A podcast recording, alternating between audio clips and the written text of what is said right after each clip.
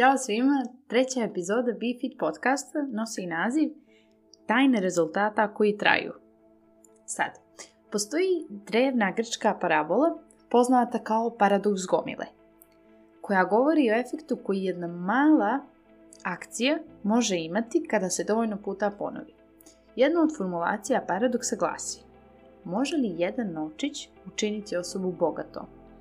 E sad, ako osobi date gomilu od 10 kovanica, ne biste tvrdili da je on ili ona bogat. Ali šta ako dodate još jedan i još jedan i još jedan?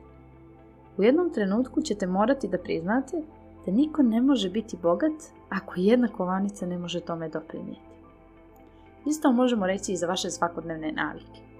Može li jedna sitna promjena da transformiše vaš život pa onda još jedna promjena i još jedna. U nekom trenutku morat ćete da priznate da vaš život jeste transformisan jednom malom promjenom.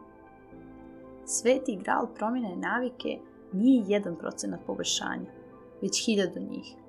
To je gomila svakodnevnih malih navika koje se slažu, a svaka od njih je osnovna jedinica cjelokupnog sistema.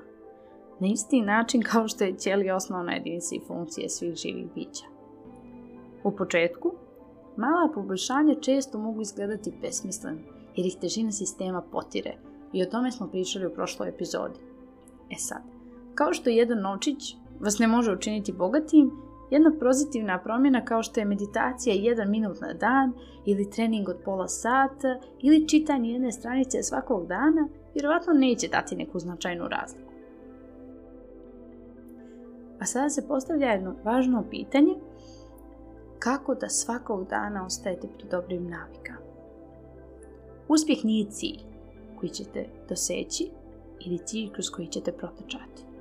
To je sistem za poboljšanje, beskonačan proces za usavršavanje.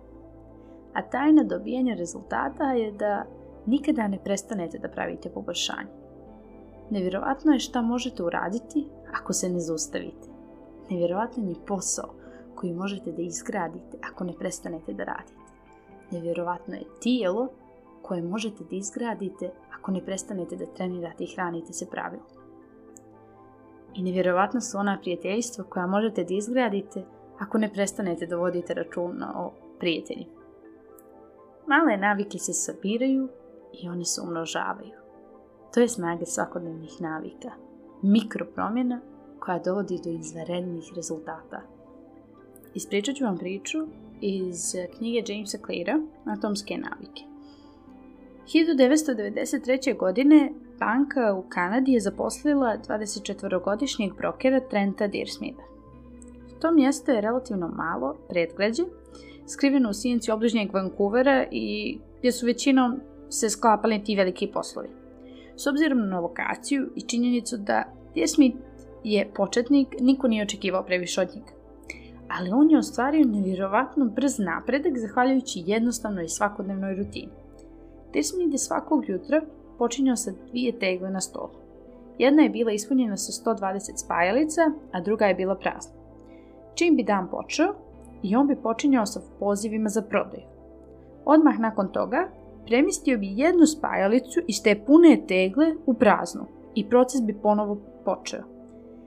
Svakog jutra bih počeo sa 120 spajalica u jednoj tegli i nastavljao da zovem dok ih sve ne prebacim u drugu teglu, rekao je. U roku od 18 mjeseci Deersmith je donio 5 miliona dolara kompaniji. James Clear zove ovu tehniku strategijom spajalica i tokom godina je slušao i čitao o njoj od njegovih čitalaca koji su je koristili na različite načine – Zanimljivi su primjeri jedne žene koja je prebacivala šnale za kosu iz jedne konzerve u drugu kad god bi napisala stranicu svoje knjige. Drugi čovjek pomjerao bi klikere iz jedne posude u drugu svaki put kad bi uradio sklekove. Ostvarivanje napretka je zadovoljavajući, a vizualne mjere, poput pomjeranja spajalice ili šnale za kosu ili klikera, pružaju jasan dokaz vašeg napretka. Kao rezultat toga, oni osnažuju vaše ponašanje i dodaju malo neposrednog zadovoljstva bilo koje aktivnosti. Vizualna mjerenja se pojavljuju u mnogim oblicima. Dnevnik o ishrani, bilješke sa treninga, karticu za lojalnost, traka napretka, čak i brojevi stranica u knjizi. ali možda je najbolji način da izmirite svoj napredak mjeračem navika. Praćenje navika je jednostavan način da odredite da li ste ih sproveli u dijelu ili ne. Najosnovniji format je da uzmete kalendar i precrtate svaki dan kada se držite svoje rutine. Na primjer, ako meditirate ponedeljkom, srijedom i petkom, svaki od tih datuma dobija x. Kako vrijeme prolazi, kalendar postaje zapis o vašem sprovođenju navika. Ne prekidaj niz je zaista moćna mantra. Ne prekidajte niz poziva za prodaju, izgradit ćete uspješnu poslovnu karijeru, ne prekidajte niz treninga i bit ćete brži nego što ste očekivali, ne prekidajte niz stvaranja svaki dan i završit ćete se impresivnim portfolijom. Praćenje navika je moćno jer utječe na višestruke zakone o promjeni ponašanja. To istovremeno čini ponašanje očiglednim, atraktivnim i zadovoljavajućim. Hajde sada da čujemo čemu sve to koristi. Prednost broj 1. Praćenje navika je očigledno. Snimanje vaše posljednje akcije kreira okidač koji može da pokrene onu sljedeću. Praćenje navike prirodno stvara niz vizualnih signala kao što je niz x-eva u vašem kalendaru ili listo obroka u dnevniku ishrane. Kada pogledate kalendar i vidite niz, podsjetit ćete se da ponovo reagujete. Praćenje navike također čini da budete pošteni, jer većina nas ima iskrivljeno viđenje sobstvenog ponašanja. Mislimo da se ponašamo bolje nego što to činimo. A mjerenje nudi jedan od načina za prevazilaženje naše zaslijepljenosti prema sobstvenom ponašanju i uočavanje onoga što se zaista događa svakog dana.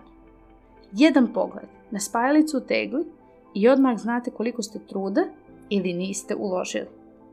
Kada su dokazi pred vama, manje je vjerovatno da ćete lagati sami sebe. Prednost broj 2. Praćenje navika je atraktivno. Neefikasniji oblik motivacije je napredak. Kada dobijemo signal da idemo naprijed, postajemo sve više motivisani da nastavimo na tom putu.